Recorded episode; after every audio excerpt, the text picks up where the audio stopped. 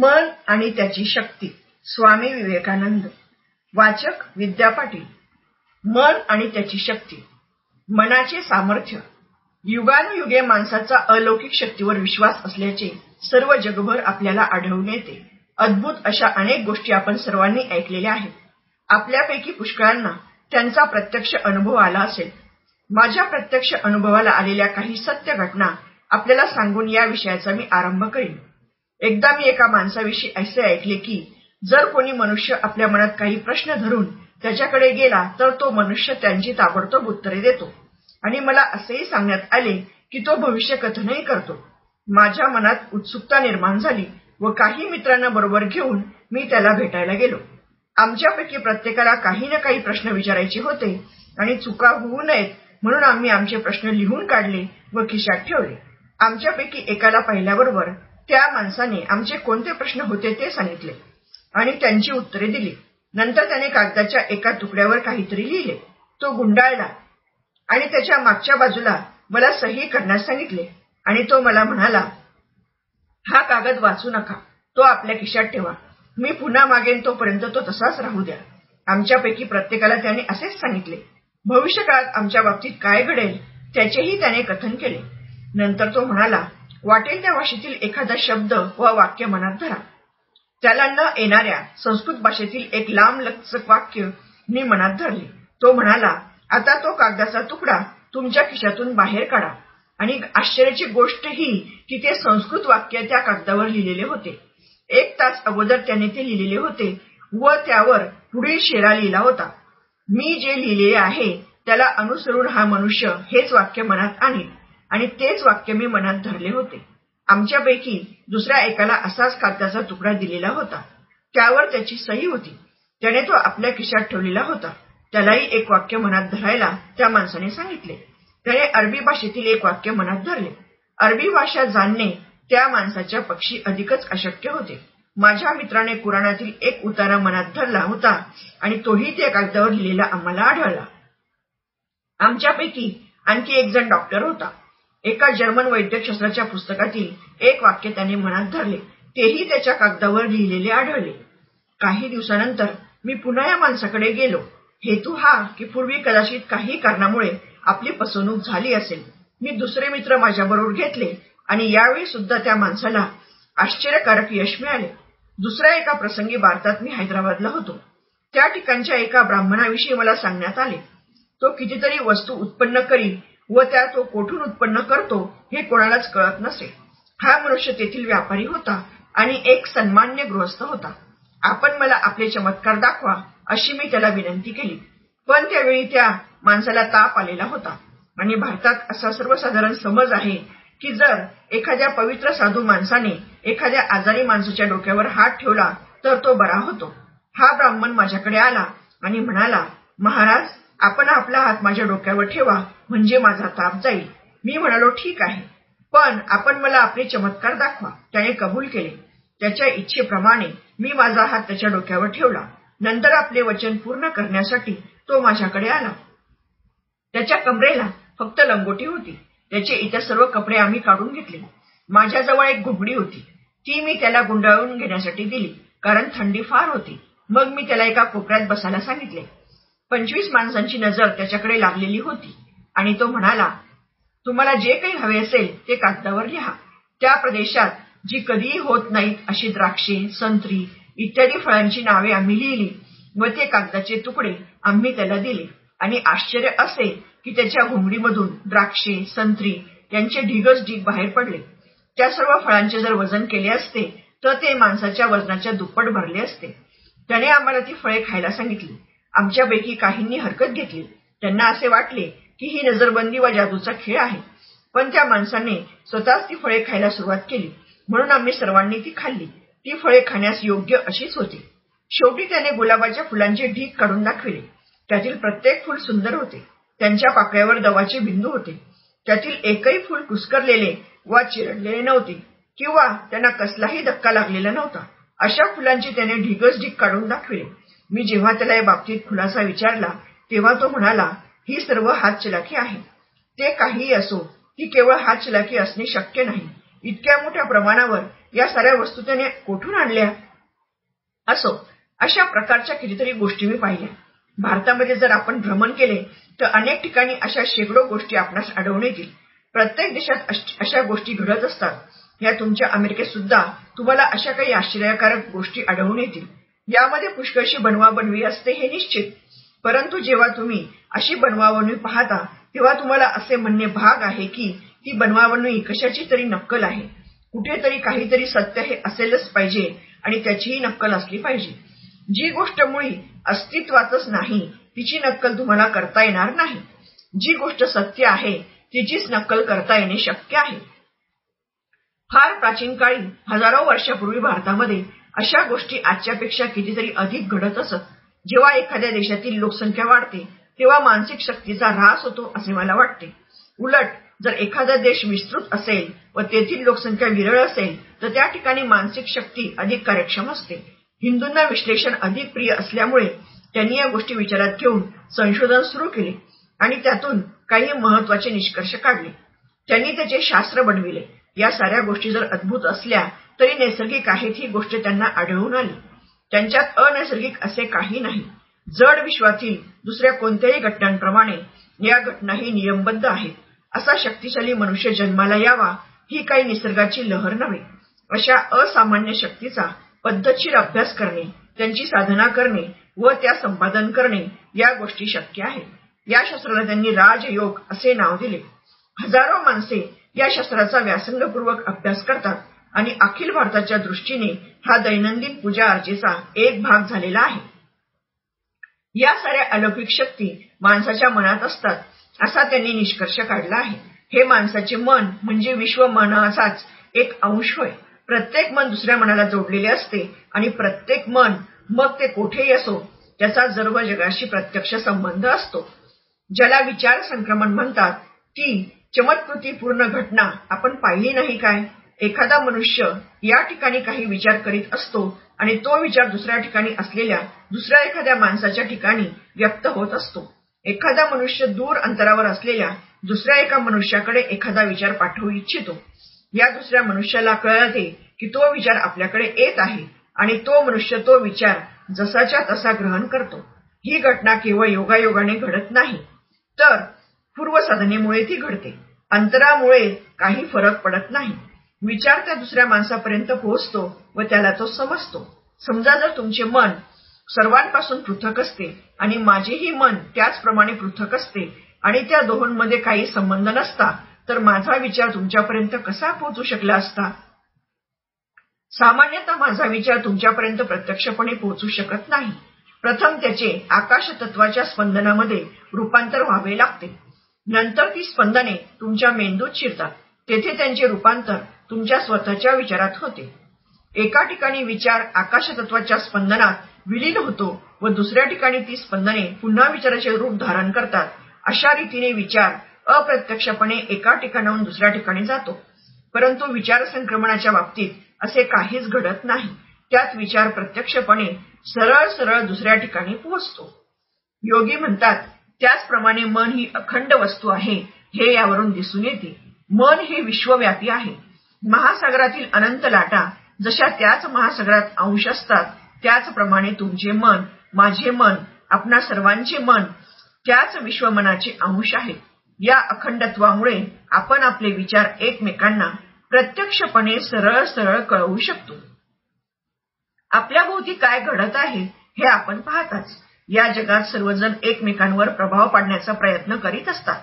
आपल्या स्वतःच्या शरीर रक्षणासाठी आपल्या शक्तीचा काही भाग खर्च होत असतो. त्या व्यतिरिक्त आपल्या शक्तीचा प्रत्येक कण प्रतिदिन दुसऱ्या व्यक्तीवर प्रभाव पाडण्याच्या कामी खर्च होत असतो. आपली शरीरे आपले सद्गुण आपली बुद्धी आपले अध्यात्म ही सर्व दुसऱ्यावर सतत प्रभाव पाडित असतात आणि याउलट इतर सर्वांचा आपल्यावर प्रभाव पडत असतो. आपल्या सभोवार हे सतत चालू आहे. आता आपण एक प्रत्यक्ष उदाहरण घेऊ. एखादा मनुष्य येतो. तो फार शिकलेला आहे हे तुम्हाला माहीत असते. त्याची भाषा सुंदर असते. तो तासन तास तुमच्याशी बोलतो पण तुमच्यावर काहीच प्रभाव पाडू शकत नाही. दुसरा एखादा मनुष्य येतो तो थोडेसे शब्द विचारतो. ते व्यवस्थित मांडलेले किंवा व्याकरण शुद्ध नसतात. असे असूनही तो तुमच्यावर खूप प्रभाव पाडतो. तुमच्यापैकी पुष्कळांनी ही गोष्ट पाहिली आहे. यावरून ही गोष्ट स्पष्ट होते की केवळ शब्दांनीच नेहमी प्रभाव पडत नसतो. दुसऱ्यावर प्रभाव पाडण्याच्या दृष्टीने शब्द किंबहुना विचार यांचा भाग एक तृतीयांशच असतो. या बाबतीत मनुष्याचे व्यक्तिमत्वच महत्त्वाचा घटक असते आणि त्यानेच दोन तृतीयांश प्रभाव पडत असतो. ज्याला आपण माणसाच्या व्यक्तिमत्वाची आकर्षण शक्ती म्हणतो ती बाहेर पडते व आपल्यावर प्रभाव पाडते. आपल्या कुटुंबामध्ये वा घरामध्ये कुटुंब प्रमुख असतात. काही कुटुंब प्रमुख यशस्वी होतात व काही अयशस्वी ठरतात. असे का? आपल्या अपयशाचे खापर आपण दुसऱ्याच्या डोक्यावर फोडतो. मी अपयशी ठरलो की लगेच अमुक अमुक मनुष्य हा माझ्या अपयशाचे कारण आहे असे मी सांगायला सुरुवात करतो. अपयशा बाबतीत आपले स्वतःचे दोष व कमकुवतपणा कबूल करणे हे कोणालाही आवडत नाही. प्रत्येक मनुष्य स्वतःला दोष रहित म्हणजे निर्दोषी समजत असतो आणि तो दुसऱ्या व्यक्तीला गोष्टीला व नशिबाला दोष देत असतो. कुटुंब प्रमुख जेव्हा अयशस्वी होतात तेव्हा त्यांनी स्वतःला असा प्रश्न विचारला पाहिजे की काही माणसे घर उत्तम रीतीने चालवतात व दुसरे काही ते करू शकत नाहीत याला कारण काय? हा फरक त्या माणसावर अवलंबून असतो. त्याचे जीवन व्यक्तिमत्वच याला जबाबदार असते. मानवजातीच्या थोर नेत्यांकडे नजर टाकली तर आपल्याला असे आढळून येते की त्याचे व्यक्तिमत्व त्यांच्या प्रभावाचे मुख्य कारण होते. आता गतकालातील थोर ग्रंथकार व विचारवंत यांचा आपण विचार करा. खरे सांगायचे तर त्यांनी कितीसे मौलिक विचार आपल्यासमोर ठेवले आहेत. प्राचीन समाज नेत्यांनी जे साहित्य मागे ठेवलेले आहे ते विचारात घ्या. त्यांचा प्रत्येक ग्रंथ आपण तपासून पहा व त्याचे मूल्यमापन करा.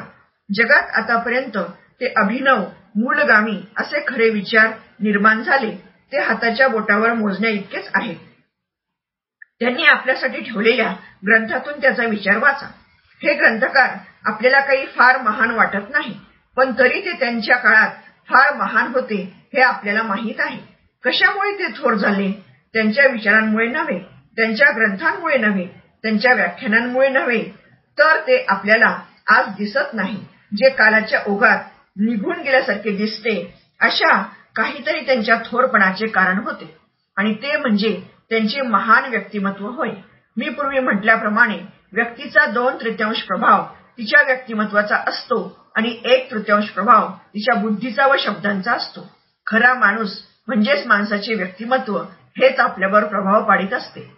आपली कर्म म्हणजे आपल्या व्यक्तिमत्वाची केवळ बाह्य अभिव्यक्ती असतात. माणसाचे व्यक्तिमत्व कर्मामधून प्रकट होतेच. कारणाचे पर्यावसन कार्यात झालेच पाहिजे. सर्व शिक्षणाचा हेतू माणसाचे व्यक्तिमत्व घडविणे हाच असायला पाहिजे.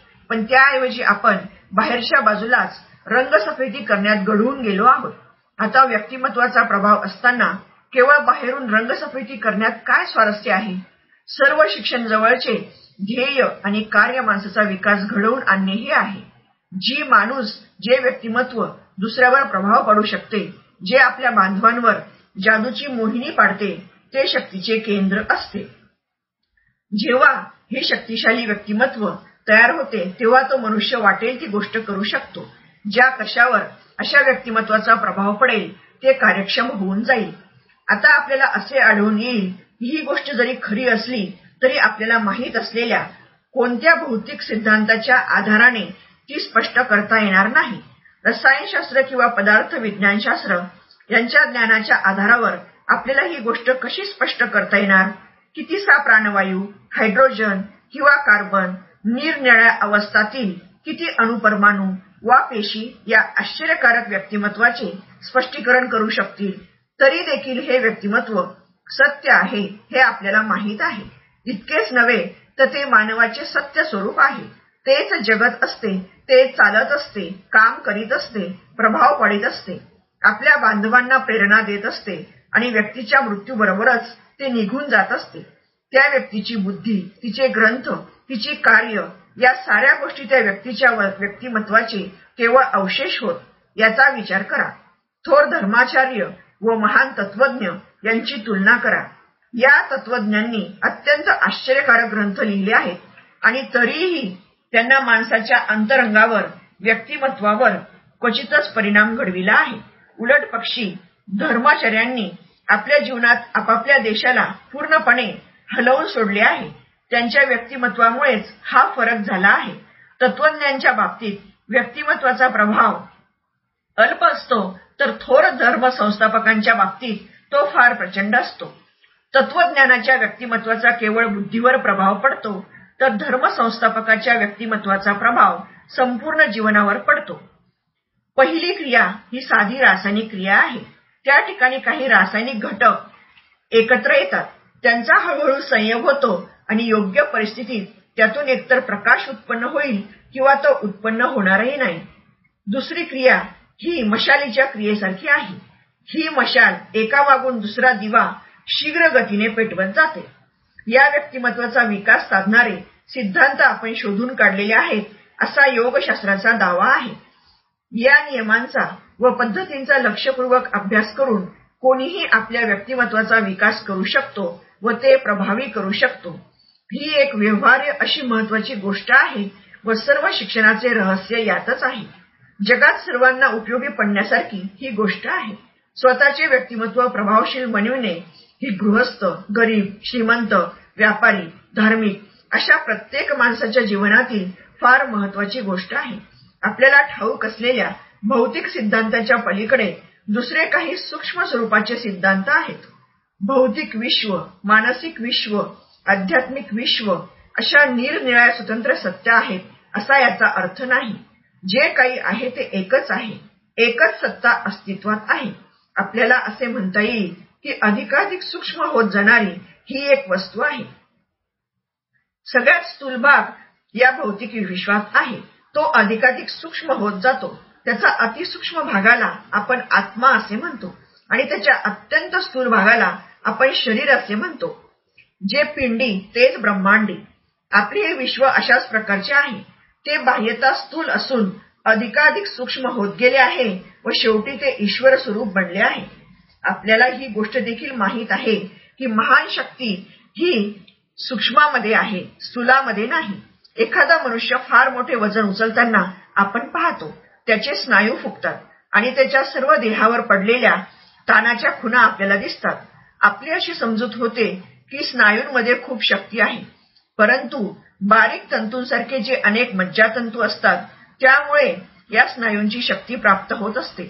ज्या क्षणी स्नायूपर्यंत पोहोचणारा एखादा तंतू तुटतो त्या क्षणी हे स्नायू कार्य करण्यास असमर्थ ठरतात. हे बारीक तंतू याही पेक्षा सूक्ष्म अशा वस्तूपासून शक्ती संपादन करतात. ती सूक्ष्म वस्तू पुन्हा तिच्याही पेक्षा सूक्ष्म अशा वस्तूपासून विचारापासून शक्ती ग्रहण करते.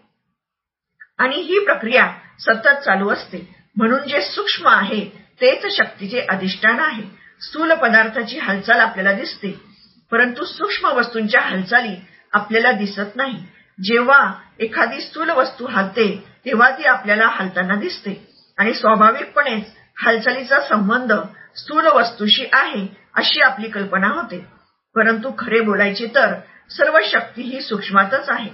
सूक्ष्मातील गती आपल्याला दिसत नाही. कदाचित त्याचे कारण असू शकेल की ही गती इतकी द्रुत असते की ती आपल्या डोळ्यांना दिसत नाही. परंतु एखाद्या शास्त्रीय संशोधनाद्वारा या सूक्ष्म शक्तीचा जर आपल्याला परिचय झाला तर ही शक्ती सर्व अभिव्यक्तीचे कारण असल्यामुळे सर्व व्यक्त विश्व आपल्या नियंत्रणाखाली येईल. तलावाच्या तळापासून एक लहानसा बुडबुडा वर येतो तो वर येत असताना आपल्याला दिसत नाही. तो जेव्हा पृष्ठभागावर येऊन फुटतो तेव्हाच तो आपल्याला दिसतो. त्याचप्रमाणे विचार बहुतांशी विकसित झाल्यावर किंवा त्याचे कृतीत रूपांतर झाल्यावरच ते आपल्याला कळतात. आपण नेहमी अशी तक्रार करतो की आपल्या कृतीवर आपला ताबा राहत नाही. विचारावरही ताबा राहत नाही. पण तो राहणार कसा? जर सूक्ष्म गतीचे हालचालीचे आपल्याला नियंत्रण करता आले विचाराच्या मुळाशी जाऊन विचार विकसित होण्यापूर्वी किंवा त्याचे कृतीत रूपांतर होण्यापूर्वी जर आपण तो नियंत्रित करू शकलो तरच या सर्वांवर आपण ताबा मिळवू शकू. ज्या पद्धतीने या सूक्ष्म गतीचे आपल्याला पृथक्करण करता येईल संशोधन करता येईल त्या समजून घेता येतील व त्यावर ताबा ठेवता येईल अशी एखादी पद्धत जर आपल्याला उपलब्ध झाली तर या सूक्ष्म शक्तीवर या सूक्ष्म कारणांवर विजय मिळून आपण स्वतःवर नियंत्रण ठेवणे आपल्याला शक्य होईल. आणि ज्या माणसाच्या स्वतःच्या मनावर पूर्ण ताबा असतो त्याचा निश्चितच इतरांच्या मनावर ताबा राहू शकतो. यामुळे पावित्र्य व नीतिमत्ता ही सर्वदा धर्माची वैशिष्ट्ये मानली गेली आहेत. शुद्ध अंतकरणाचा व सदाचारी मनुष्य स्वतःवर ताबा ठेवीत असतो. सर्वांची मने सारखीच असतात कारण ती एकाच विश्वमनाचे भाग आहेत. मातीच्या एका ढेकळाचे स्वरूप ज्याने जाणले त्याने विश्वातील सर्व मातीचे स्वरूप ओळखले. जे स्वतःचे मन ओळखतो व ते ताब्यात ठेवतो त्यालाच प्रत्येक मनाचे रहस्य समजते आणि त्यालाच प्रत्येक मनावर ताबा मिळविता येतो. या सूक्ष्म कारणांवर जर आपण ताबा मिळविला तर आपली कितीतरी भौतिक दुःखे दूर होऊ शकतील.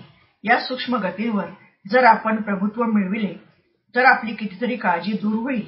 तसेच या सूक्ष्म शक्तीचे जर आपण नियंत्रण करू शकलो तर कितीतरी प्रकारचे अपयश आपल्याला टाळता येईल. ही आहे सूक्ष्मावर ताबा मिळविण्याची उपयुक्तता. पण याहीपेक्षा त्याचा अधिक उच्च असा दुसरा हेतू आहे. आता मी आपणासमोर एक तात्विक विचार मांडतो. त्यासंबंधी मी सध्या वाद घालणार नाही परंतु त्यासंबंधीचा केवळ निष्कर्षच मी आपणापुढे ठेवणार आहे. एखादा मानव वंश ज्या ज्या अवस्थांमधून गेलेला असतो त्या सर्व अवस्थांमधून त्या वंशातील प्रत्येक मनुष्य आपल्या बाल्यावस्थेत जात असतो. फरक एवढाच की त्या मानव वंशाला त्या अवस्थामधून जाण्यासाठी हजारो वर्ष लागतात. तर बालकाला त्यासाठी थोडीशीच वर्ष पुरतात. आरंभी लहान मूल म्हणजे प्राचीन रानटी माणसासारखेच असते. ते आपल्या पायाखाली फुलपाखरू चिरडून टाकते. आपल्या मानव वंशातील रानटी पुरुषांप्रमाणे या लहान मुलाची प्रथमावस्था असते. ते जसे जसे वाढते तस तसे त्याला अनेक अवस्थांमधून जावे लागते व सरते शेवटी ते आपल्या वंशाच्या विकसित अवस्थेला येऊन पोचते. फक्त बालकाच्या बाबतीत ही गोष्ट लवकर वा जलद होते इतकेच.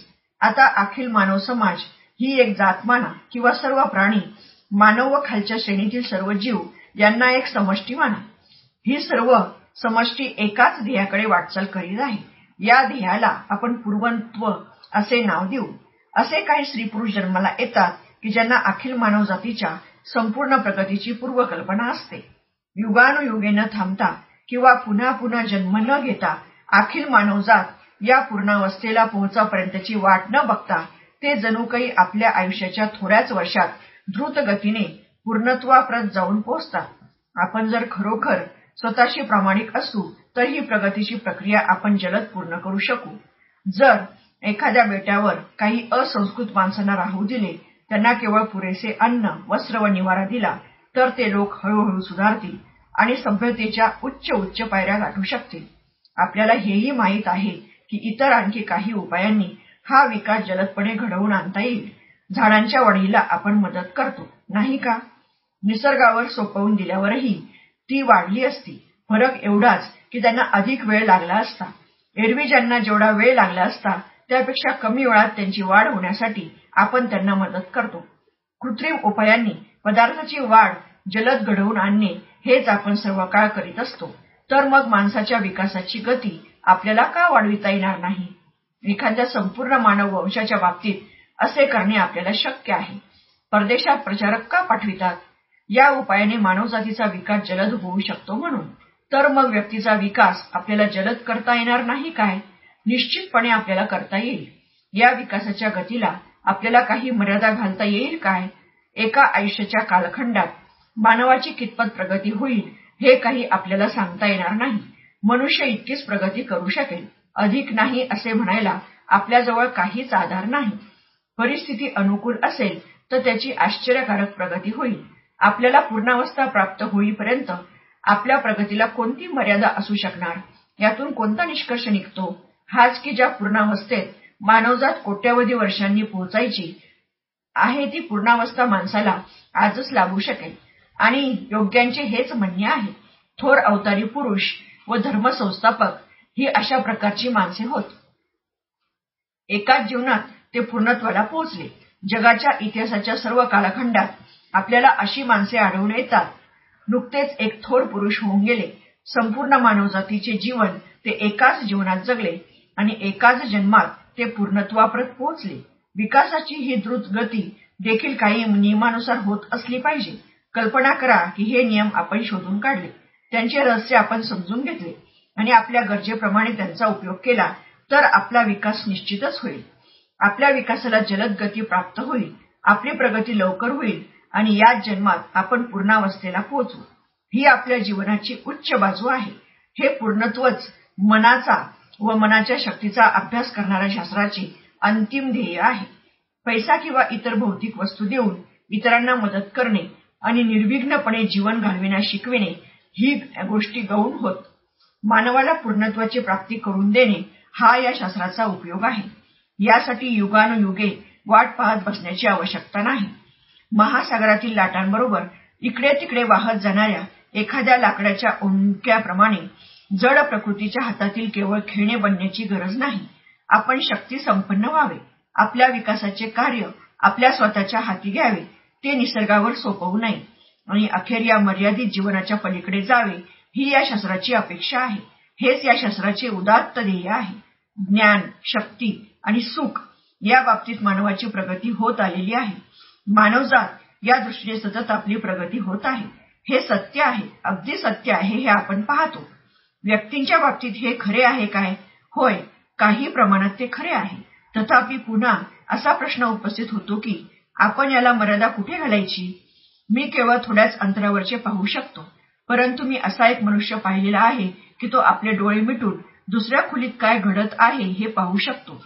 माझा यावर विश्वास नाही. असे जर तुम्ही म्हणालात तर कदाचित दोन तीन आठवड्यात तो मनुष्य तुमच्या ठिकाणी तसे सामर्थ्य निर्माण करेल. ही गोष्ट कोणालाही शिकविता येईल. दुसऱ्याच्या मनात काय घडत आहे हे कसे सांगावे हे काही माणसांना पाच मिनिटात सुद्धा शिकविता येईल.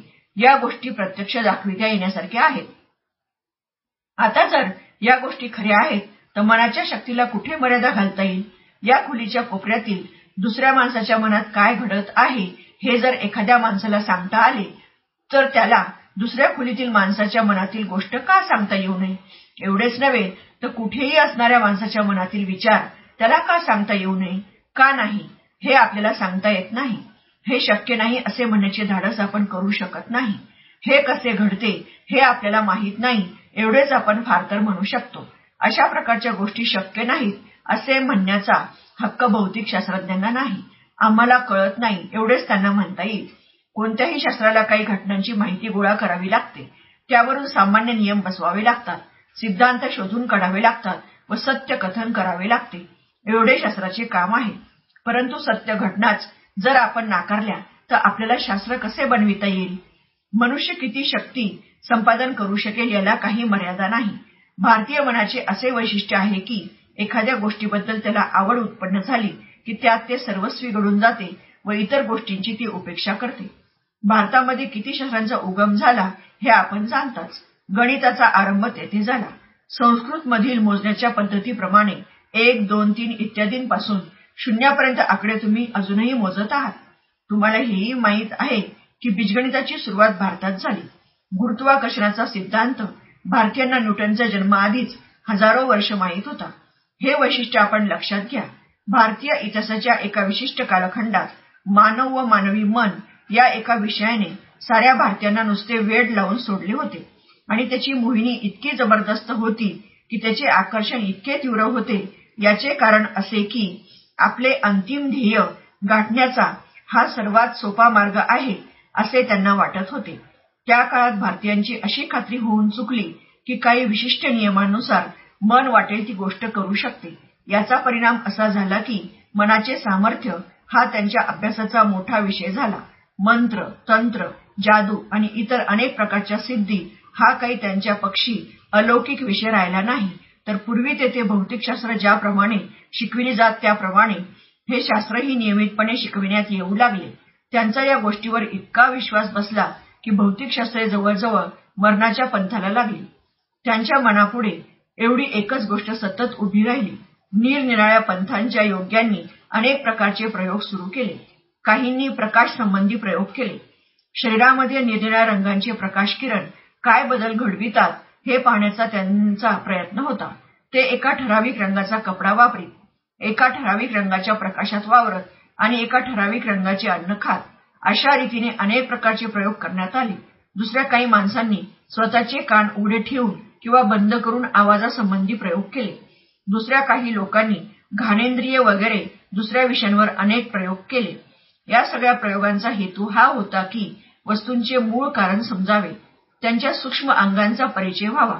आणि त्यांच्यापैकी काही लोकांनी खरोखरच अत्यंत आश्चर्यकारक सामर्थ्य प्रकट केले. त्यांच्यापैकी अनेक जण हवेत तरंगण्याचा आकाशातून उड्डाण करण्याचा प्रयत्न करीत होते. पाश्चात्य देशातील एक फार मोठ्या पंडिताकडून ऐकलेली एक गोष्ट मी आपणास सांगतो. त्यांना ही गोष्ट सिलोनच्या गव्हर्नरांनी सांगितली होती. या गव्हर्नरांनी तो प्रयोग प्रत्यक्ष पाहिला होता. तिरकस काठ्या बांधून तयार केलेल्या एका स्टुलावर एका मुलीला मांडी घालून बसविण्यात आले. थोडा वेळ बसून झाल्यावर त्या जादूगाराने त्या काठ्यांपैकी एक एक काठी हळूहळू काढायला सुरुवात केली आणि त्या सर्व काठ्या काढून झाल्यावर मुलगी हवेत तरंगू लागली. गव्हर्नरांना वाटले की त्यात काही नजरबंदी असावी म्हणून त्यांनी आपली तलवार बाहेर काढली व जोराने त्या मुलीच्या पायाखालून फिरविले. पण त्या ठिकाणी काहीही नव्हते. आता सांगा हे काय होते? ती जादू नव्हती. किंवा त्यात अलौकिक असे काही नव्हते आणि हेच त्यातील वैशिष्ट्य होते. अशा गोष्टी घडत नाहीत असे भारतातील कोणताही मनुष्य म्हणणार नाही.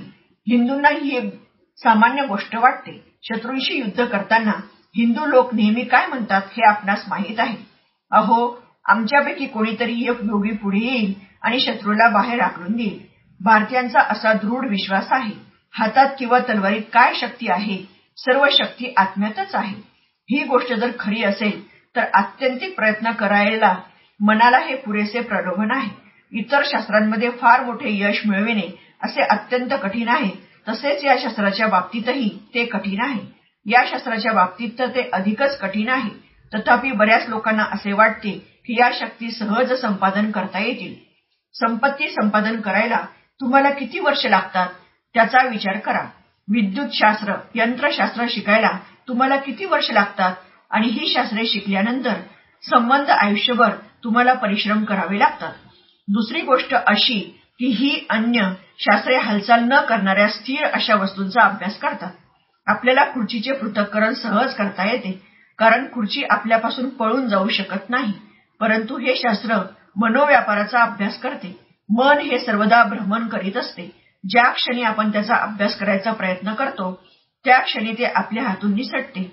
या क्षणी मनाची एक स्थिती असते. दुसऱ्या क्षणी कदाचित ती एकदम बदलते.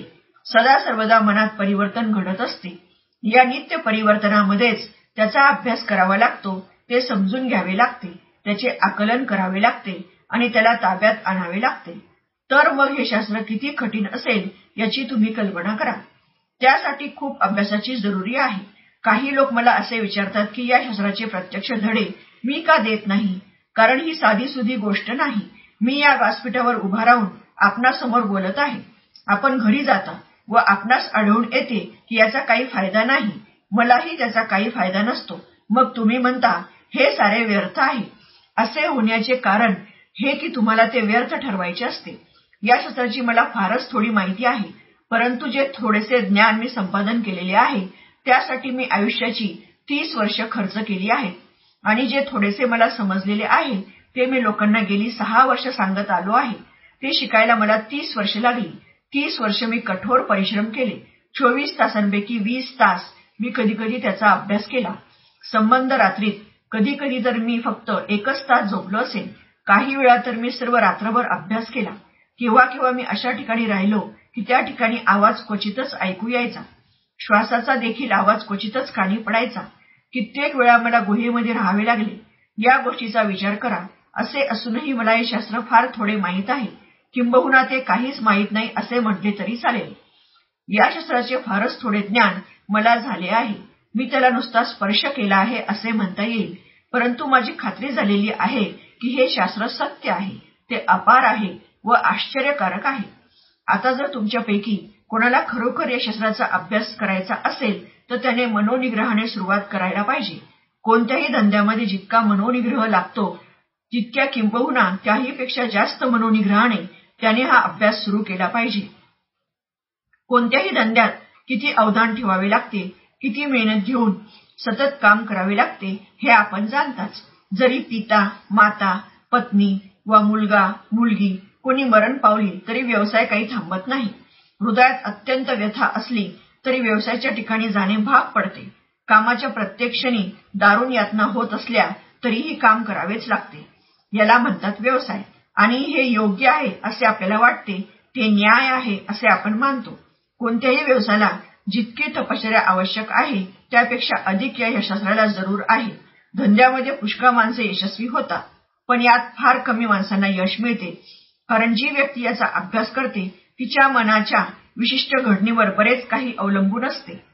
ज्याप्रमाणे धंद्यामध्ये सर्वांनाच काही गडगंज संपत्तीचा लाभ होत नाही पण प्रत्येकाला थोडे बहुत मिळते त्याचप्रमाणे या शास्त्राच्या अभ्यासात प्रत्येकाला ओझरता अनुभव मिळेलच.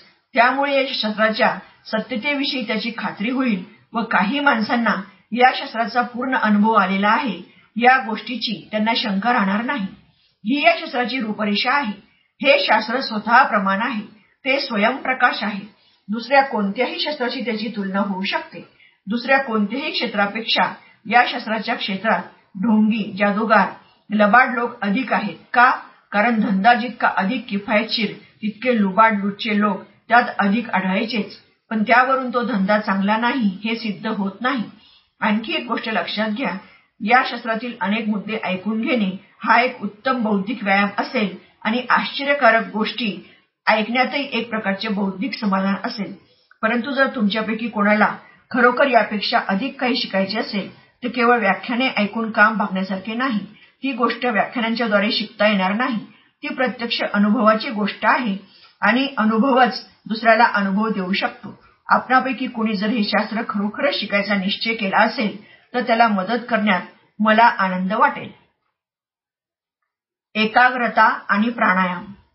मनुष्य व पशु यांच्यातील मुख्य भेद म्हणजे त्यांच्या एकाग्रतेच्या शक्तीतील भेद होय. कोणत्याही प्रकारच्या कामातील यश हे एकाग्रतेचे फल असते. प्रत्येकाला एकाग्रतेसंबंधी थोडे बहुत माहीत असते.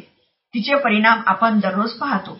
चित्रकला संगीत कला इत्यादी कलातील श्रेष्ठ प्रगतीचे यश हे एकाग्रतेचा परिणाम असते. पशूंच्या ठिकाणी एकाग्रतेची शक्ती फार थोडी असते.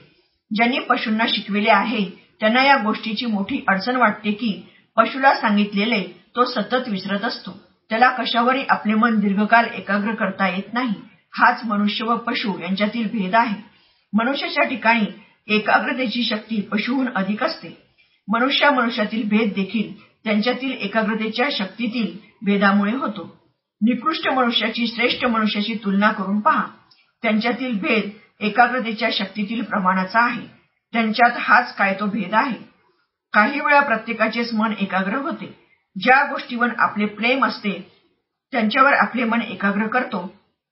आणि ज्यांच्यावर आपण आपले मन एकाग्र करतो त्याच गोष्टीवर आपण प्रेम करीत असतो. अशी कोणती आहे आहे की जिला आपल्या मुलाचा साधासुद्धा चेहरा आवडत नाही? तो चेहरा तिच्या दृष्टीने जगातील सर्वात सुंदर चेहरा असतो. तो तिला आवडतो याचे कारण हे की ती त्याच्यावर आपले मन एकाग्र करीत असते. आणि प्रत्येक जण जर त्याच चेहऱ्यावर आपले मन एकाग्र करू शकला तर प्रत्येकालाच तो आवडेल. मग सर्वांनाच तो चेहरा अत्यंत सुंदर वाटेल. ज्या वस्तू आपल्याला आवडतात त्यांच्यावर आपण सर्वजण आपले मन एकाग्र करतो. जेव्हा आपण मधुर संगीत ऐकतो तेव्हा आपले मन त्यावर खिळून जातात आणि आपण ती तिथून काढून घेऊ शकत नाही. जे लोक आपली मने शास्त्रीय संगीतावर एकाग्र करतात त्यांना साधे संगीत आवडत नाही. आणि याचप्रमाणे जे लोक साध्या संगीतावर आपली मन एकाग्र करतात त्यांना शास्त्रीय संगीत आवडत नाही. ज्या संगीतात स्वर हे एकामागून एक द्रुत गतीने येत असतात ते संगीत मनाला चटकन धरून ठेवते. लहान मुलाला भावनोद्दीपक उठावदार संगीत आवडते कारण त्यातील स्वरांची द्रुत लय त्याच्या मनाला भटकण्याची संधीच देत नाही. ज्या मनुष्याला साधे संगीत आवडते त्याला शास्त्रीय संगीत आवडत नाही. कारण ते अधिक गुंतागुंतीचे असते आणि ते समजण्यासाठी अधिक एकाग्रतेची आवश्यकता असते. अशा एकाग्रतेच्या बाबतीत मोठी अडचण ही आहे की आपण मनाचे नियमन करीत नसून मनच आपले नियमन करीत असते.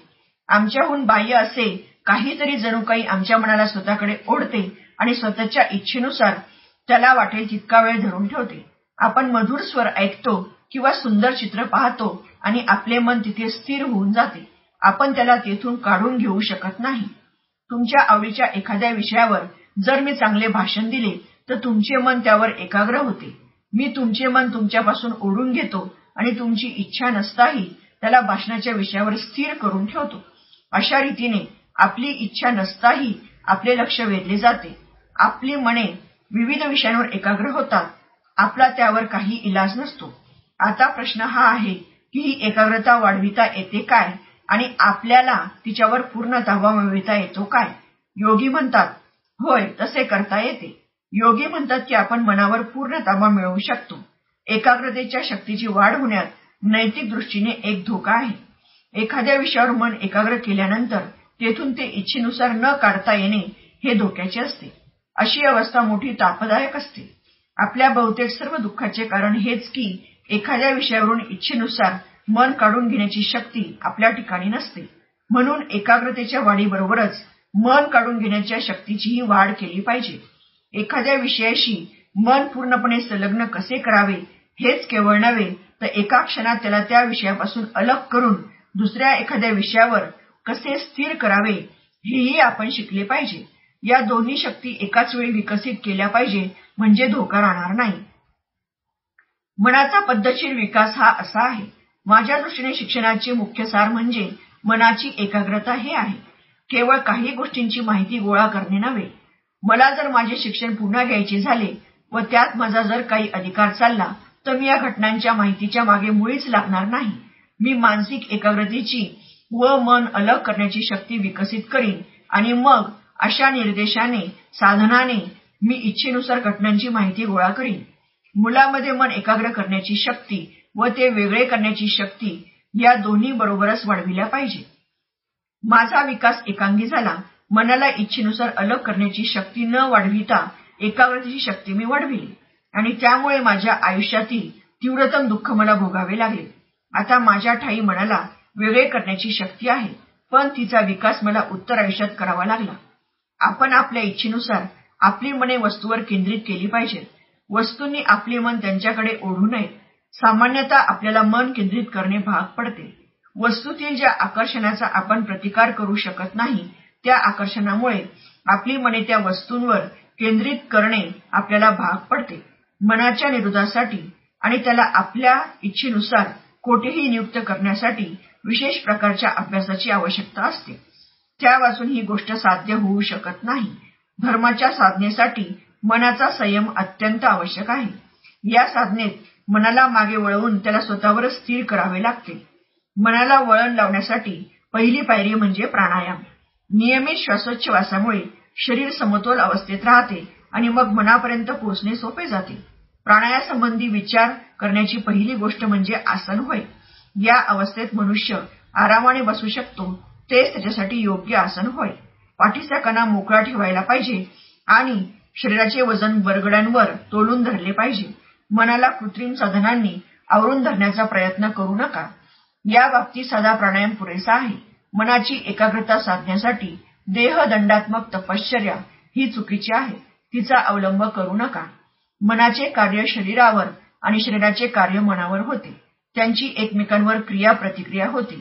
मनाची प्रत्येक अवस्था ही शरीरात एक तद्नुरूप अवस्था निर्माण करीत असते आणि शरीरातील प्रत्येक कार्य हे मनावर तद्नुरूप परिणाम करीत असते.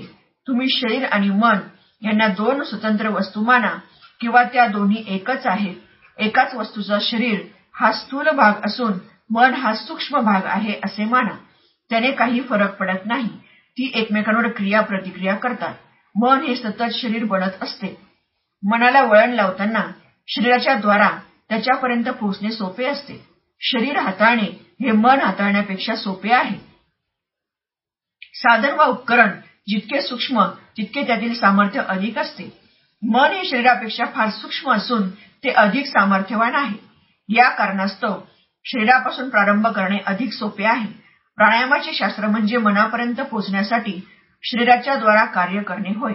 या मार्गाने आपण शरीरावर ताबा मिळवितो आणि मग शरीरातील सूक्ष्म कार्याची जाणीव आपल्याला व्हायला लागते. अधिकाधिक सूक्ष्म आणि अधिक आतील अशा कार्यांची जाणीव होता होता आपण मनापर्यंत पोहोचतो. शरीरातील सूक्ष्म क्रियांची जाणीव आपल्याला व्हायला लागताच त्या आपला ताबा घेतात. काही काळानंतर तुम्हाला शरीरावरील मनाच्या कार्याची जाणीव होऊ लागेल. त्याचप्रमाणे तुम्हाला मनाच्या अर्ध्या भागाचे त्याच्या दुसऱ्या अर्ध्या भागावरील कार्य जाणवायला लागेल व मन ज्ञानतंतूच्या केंद्रांना शक्ती पुरवित असल्याचेही जाणवेल. कारण मनच ज्ञानतंतूचे नियमन व शासन करीत असते. मन हे निरनिराळ्या ज्ञानतंतूच्या द्वारे कार्य करीत असल्याचे तुमच्या अनुभवास येईल. अशा रीतीने नियमित व पद्धतशीर प्राणायामाने प्रथम स्थूल शरीरावर व नंतर सूक्ष्म शरीरावर ताबा मिळवून मनाचे नियमन करता येते. प्राणायामाच्या पहिल्या प्रक्रियेत मुळीच धोका नसून ती अत्यंत आरोग्यदायक आहे. तिच्यामुळे तुम्हाला निदान चांगले आरोग्य लाभून तुमचे स्वास्थ्य सामान्यपणे सुधारेल. प्राणायामाच्या इतर प्रक्रिया हळूहळू आणि काळजीपूर्वक सुरू केल्या पाहिजेत. Thank you.